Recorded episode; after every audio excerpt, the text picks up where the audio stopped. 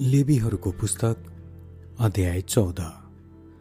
परमप्रभुले मोसालाई भन्नुभयो रोगीलाई शुद्ध गर्दा यी विधिहरू पालन गर्नु।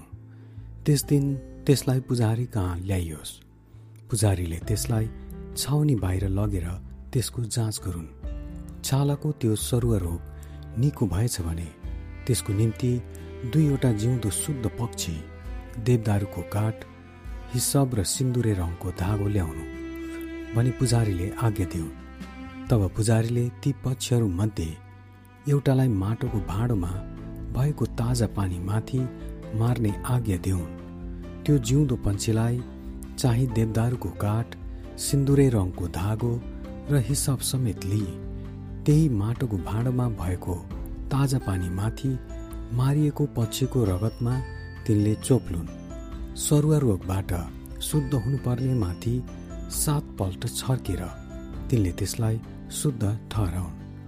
तब तिनले त्यो जिउँदो पक्षीलाई खुला मैदानमा छोडिदेऊन् त्यो शुद्ध हुनुपर्ने चाहिँले आफ्ना लुगा धोस् र आफ्ना सबै केस खौरेर नुहाओस् अनि त्यो शुद्ध हुनेछ। त्यसपछि त्यो छाउनीभित्र जाओस् र सात दिनसम्म आफ्नो पाल बाहिर नै त्यो बस्नुपर्छ। सातौं दिनमा त्यसले आफ्ना सबै केस दारी र आँखी भुइँ अर्थात् आफ्ना सबै रौँ खौरोस्। त्यसले आफ्ना लुगा धोएर आफ्नो शरीर पानीले नुहाओस् अनि त्यो शुद्ध हुनेछ। आठौँ दिनमा त्यसले दुईवटा निस्कोट भेडाका पाठा र एक वर्षे एउटी निस्कोट पाठी र अन्न बलिको लागि तेलमा मुछेको डेढ पाथी मसिनो पिठो र आधा माना तेल ल्याओस्। त्यो शुद्ध हुनुपर्ने मानिसलाई ती सामानहरू समेत भेट हुने पालको ढोकामा परमप्रभुको सामुन्ने शुद्ध ठहराउने पुजारीले प्रस्तुत गर्नेछन्। तब पुजारीले त्यो आधा मानाको तेल समेत भेडाका पाठाहरूमध्ये एउटा लिएर दोष बलि गरी चढाउन् र डोलाइने बलिको निम्ति ती परमप्रभुको सामु डोलाउन् अनि त्यसले पाप बलि र होम बलि मारिने पवित्र ठाउँमा त्यो पाठो मारोस् किनकि पाप बलि पुजारीको भए झै दोष बलि पनि त्यसैको हुन्छ। त्यो अति पवित्र हो। तब पुजारीले दोष बलिको केही रगत लिएर शुद्ध हुनु पर्नेको दाहिने कानको लोती दाहिने हातको बुढी औँला र दाहिने खुट्टाको बुढी औँलामा लगाइदेऊन् फेरि पुजारीले आधा माना तेल लिएर आफ्नो देब्रे हातको हत्केलामा केही खन्याउन्। पुजारीले आफ्नो दाहिने हातको औँला देब्रे हातमा रहेको तेलमा चोबेलेर त्यसबाट लिकेही लिएर आफ्नो औँलाले परमप्रभुको सामु सातपल्ट छर्कुन् अनि पुजारीले आफ्नो हातमा रहेको तेलबाट केही लिएर त्यो शुद्ध हुनुपर्नेको दाहिने कानको लोती त्यसको दाहिने हातको बुढी औँलो र त्यसको दाहिने खुट्टाको बुढी औँलामा दोष बलिको रगतमाथि लगाइदेऊन् पुजारीले आफ्नो हातमा रहेको बाँकी तेल त्यस शुद्ध हुनुपर्नेको टाउकोमा लगाइदेऊन् अनि तिनले परमप्रभुको सामु त्यसको निम्ति प्राश्चित गरून्। तब त्यो शुद्धपनाबाट शुद्ध हुनुपर्ने कारणले पुजारीले पाप बलि चढाएर त्यसको निम्ति प्राश्चित गरून्। त्यसपछि तिनले होम बलि मारुन्। पुजारीले होम बलि र अन्न बलि वेदीमा चढाउन् र त्यसको निम्ति प्राश्चित गरून् र त्यो शुद्ध हुनेछ। तर त्यो दरिद्र छ र त्यति पनि पाउन सक्दैन भने त्यसले आफ्नो प्राश्चितको निम्ति दोष बलिको लागि डोलाउनलाई भेडाको एउटा पाठो र अन्न बलिको लागि तेलमा मुछेको आधा पाथी मसिनो पिठो र आधा माना तेल र आफूले जस्तो पाउन सक्छ दुईवटा ढुकुर कि दुईवटा परेवाका बचेरा अथवा पाप बलिको लागि र अर्को होम बलिको लागि ल्याओस्। आठौँ दिनमा आफू शुद्ध हुनलाई त्यसले भेट हुने पालको ढोकामा परमप्रभुको सामुन्ने पुजारी कहाँ ती ल्याओस्? तब पुजारीले दोष बलिको पाठो र आधा माना तेल लिएर डोलाइने बलिको निम्ति परमप्रभुको सामु ती डोलाउन्। दोष बलिको पाठो मारेर पुजारीले बलिको रगतबाट केही लिएर त्यो शुद्ध हुनुपर्नेको दाहिने कानको लोती दाहिने हातको बुढी औँलो र दाहिने खुट्टोको बुढी औँलामा लगाइदिउन्।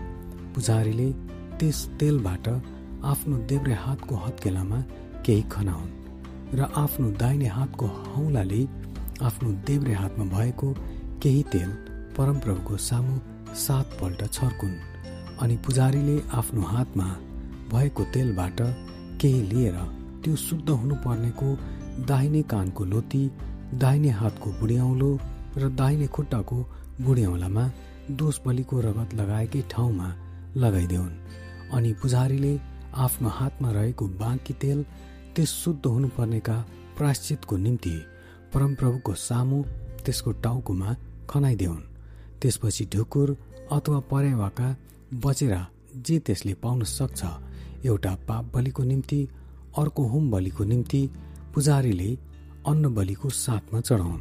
यसरी पुजारीले त्यस शुद्ध हुनुपर्नेको निम्ति परमप्रभुको सामुन्ने प्राश्चित गर्नेछन्। छालाको सरुवा रोग लागेर शुद्ध हुनलाई औकात नपुग्ने मानिसको निम्ति विधिहरू यिनै हुन्। परमप्रभुले मोसा र हारुनलाई भन्नुभयो जब मैले तिमीहरूको अधिकारका दिन लागेको कनान देशमा तिमीहरू पुगौला र तिमीहरूले अधिकारमा पाएको देशको कुनै घरमा फैलिने ढुसी मैले उत्पन्न गराएँ भने त्यस घरको धनी भएर मेरो घरमा ढुसी परे जस्तो लाग्छ भनी पुजारीलाई भनोस् ढुसी जाँच गर्नुभन्दा अघि चिजबिज अशुद्ध ठहराउन् नठहराउन् भनेर घर रित्तो पार्ने आदेश पुजारीले देऊन् त्यसपछि पुजारी घर जाँच गर्न भित्र जाउन् अनि तिनले त्यो ढुसी जाँच गरून्। त्यो ढुसी घरका भित्तामा हरियो कि रातो रङको गहिराई जस्तो रहेछ भने र भित्ता गढेको देखा पर्दो रहेछ भने घरदेखि ढोका भएर बाहिर निस्केर पुजारीले सात दिनसम्म त्यस घरलाई बन्द गरून्। फेरि सातौँ दिनमा आएर पुजारीले त्यो हेरुन् र त्यो घरका भित्ताहरूमा ढुसी फैलिरहेको रहेछ भने पुजारीले ती ढुसी परेका ढुङ्गाहरू निकालेर सहर बाहिर कहीँ अशुद्ध ठाउँमा फाल्ने आज्ञा दिउन्। तिनले घरको भित्रपट्टि चारैतिर खुर्किन लगाउन् र खुर्किएको लिउनको माटो तिनीहरूले सहर बाहिर कहीँ अशुद्ध ठाउँमा फालुन्। त्यसपछि तिनीहरूले अरू ढुङ्गा ल्याएर ती ढुङ्गाहरूका ठाउँमा लगाइदेऊन् अनि अर्को लिउन् ल्याएर घर पोती ल्याउन्। ढुङ्गाहरू निकाली घर खुर्केर पोतिसकेपछि पनि त्यो ढुसी त्यस घरमा देख फेरि देखा पर्यो भने पुजारी गएर हेरुन्। त्यो ढुसी घरमा फैलिएको रहेछ भने त्यो खतरनाक ढुसी हो। त्यो घर अशुद्ध ठहर्नेछ त्यो घर भत्काइयोस्। त्यसका ढुङ्गाहरू काठपातहरू र सबै लिउनहरू लगेर सहर बाहिर कहीँ अशुद्ध ठाउँमा फालियोस्। त्यस उपरान्त त्यो घर बन्द रहन्जेल। कोही त्यस घरभित्र पस्यो भने त्यो साँझसम्म अशुद्ध रहन्छ। अनि त्यस घरमा सुत्ने वा खानेले पनि आफ्ना लुगा धुनुपर्छ। तर पुजारीले त्यस घरभित्र पसेर जाँच गर्दा घर पोतिएपछि ढुसी फैलिएको रहेनछ भने पुजारीले त्यस घरलाई शुद्ध ठहराउन्। किनभने ढुसी हटेको छ अनि घर शुद्ध पार्नलाई तिनले दुईवटा चरा देवदारूको काठ हिसप र सिन्दुरे रङको धागो ल्याउन् अनि तिनले माटोको भाँडोमा भएको ताजा पानीमाथि चराहरूमध्ये एउटालाई मारुन्। त्यसपछि देवदारूको काठ हिसप सिन्दुरे रङको धागो र जिउँदो चरालाई लिएर त्यो मारिएको चराको रगतमा र ताजा पानीमा चोपेर त्यस घरमा सातपल्ट छर्कुन्। तिनले चराको रगत ताजा पानी जिउँदो चरा देवदारूको काठ हिसप र सिङस्तुरे रङको धागोले घरलाई शुद्ध पारुन्। तब तिनले जिउँदो चरालाई चाहिँ सहर बाहिर खुला मैदानमा छोडिदिउन्। यसरी तिनले त्यस घरको निम्ति प्राश्चित गर्नेछन् अनि त्यो घर शुद्ध हुनेछ। छालाका सबै किसिमका सरुवा रोग र चिलाउने बेथा लुगाको र घरको ढुसी सुज र बिमिरा र उज्जवल दागको निम्ति शुद्ध वा अशुद्ध ठहराउने विधि यिनै हुन्।